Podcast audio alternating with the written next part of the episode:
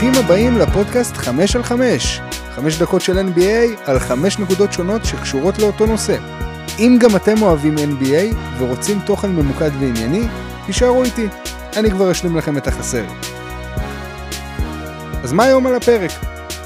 היום נדבר על מיאמי נגד בוסטון, משחק מספר 3. מתחילים.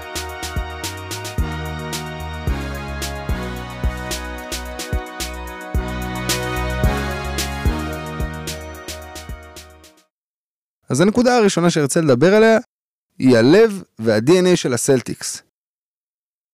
שום קשר בין הקבוצות ההיסטוריות של הסלטיקס של שנות ה-60 או שנות ה-80 או שנות ה-2000 לבין החבורת זומבים שראינו על המגרש. פשוט אפס קשר, מקריות מוחלטת. ג'ייסון טייטום, ג'יילן בראון, פש... כולם פשוט נראו קבועים. אף אחד לא שיחק עם DNA, אף אחד לא שיחק עם מחויבות, עם הרעב הזה לנצח. הם כולם פשוט נראו אבודים על המגרש ומיאמי פשוט התעללה בהם. טייטום עם חצי שני רע שכלל המון עיבודי כדור ברבע האחרון, הוא סיפק 18 נקודות ו-7 מ-12 מהשדה בחצי הראשון. בחצי השני הוא היה 2 מ-5.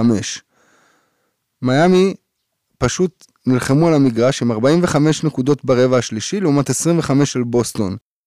הם הפכו חיסרון 12 ליתרון 11, מהפך של 23 נקודות ברבע אחד. הנקודה השנייה שארצה לדבר עליה היא הגיבור התורן של מיאמי, והיום זה התור של גייב וינסנט.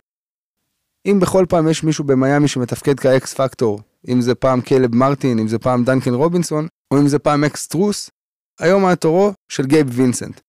הרכז הקטן, שלא נבחר בדראפט, שהוא הרכז של נבחרת ניגריה, ולא הרבה ידעו את זה, נתן תצוגה פשוט פנומנלית עם 11 מ-14 מהשדה, ו-6 מ-9 ל-3. סיים את המשחק עם 29 נקודות, בעוד שג'ייסון טייטום עם 14 וג'לן בראון עם 12 ביחד סיימו עם פחות. ואם מיאמי יגיעו לגמר, יהיה מעניין לראות איך טיילר הירו ישתלב בדינמיקה הזאת כשגייב וינסנט משחק כל כך טוב. הנקודה השלישית שארצה לדבר עליה היא ההיעלמות של הכוכבים של בוסטון. לא להאמין שרק לפני זמן קצר הקבוצה הזאת עשתה קאמבק מ-3-2 מול פילי והדיחה אותם במשחק מטורף של טייטום עם 51 נקודות, ששבר את השיא נקודות למשחק מספר 7 בפלייאוף. אין שום קשר בין טייטום של אז לטייטום של עכשיו. לא שלו ולא של ג'יילן בראון. במהלך כל הסדרה, טייטום ובראון ביחד, שני הכוכבים של בוסטון, קלעו 7 מ-40 ל-3. פשוט נתון מחריד. ביחד עם 1 מ-14 במשחק האחרון. ככה אי אפשר לנצח, ובטח לא להגיע לגמר, פשוט סדרה חושך של שני הכוכבים. מילא שהם לא פוגעים בהתקפה, אבל הם גם לא משחקים בהגנה. הם פשוט נראו קלולס על המגרש. ועוד נקודת חושך שאפשר לציין, זה מלקולם ברוקדון. הבן אדם היה השחקן השישי של העונה, ציפו ממנו להכניס ברק מהספסל, והדבר היחיד שהוא הכניס זה ג'ו מזולה לצרות. הוא סיים את המשחק עם 0 נקודות ו-0 מ-6 מהשדה.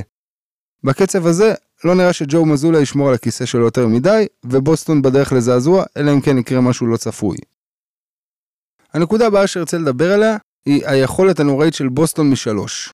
במהלך שלושת המשחקים האחרונים, בוסטון זרקו 31 שלשות, 13 פחות ממיאמי, אבל הם כלו אותם ב-29%, אחד הנתונים הגרועים ביותר בפלייאוף. אי אפשר לנצח ככה סדרה, ואם אתם לא מצליחים לקלוע משלוש, למה להמשיך לזרוק? למה לא לחדור לצבע? תשחק כדורסל ישן, יש לך גבוהים, יש לך את הורפורד ויש לך את וויליאמס. יש לך את טייטום שהוא שחקן גבוה שיכול להגיע לסל בקלות, את ג'לן בראון שהוא חזק, לא צריך להסתמך על הזריקה משלוש אם היא לא עובדת. והנקודה האחרונה להיום היא שבוסטון יצטרכו לעלות לשחק במשחק מספר 4. אם בשלושה משחקים הראשונים הם נראו כאילו הם הרימו דגל לבן, או אני אפילו אשתמש באנלוגיה מהסרט ספייס ג'ם, שהם נראים כמו הכוכבים ששאבו להם את הכוחות, אז במשחק מספר 4, שהעונה שלהם על הכף, הם יצטרכו לבוא, להופיע ולהוכיח. הסלטיקס יכולים לעשות את המהפך, יש להם את הקבוצה, את הכלים, בשביל לעשות מהפך. זה אומנם לא קרה בהיסטוריה שקבוצה מ-0-3 חזרה ל-4-3, אבל זה אפשרי. הם צריכים לבוא לשחק את הכדורסל היפה שהם שיחקו במהלך העונה הסדירה ובמהלך הסיבובים הקודמים של הפלייאוף. תודה שהאזנתם, עד כאן להיום ב-5 על 5. אני הייתי דקל סלמון, שיהיה לכם יום נפלא, להתראות.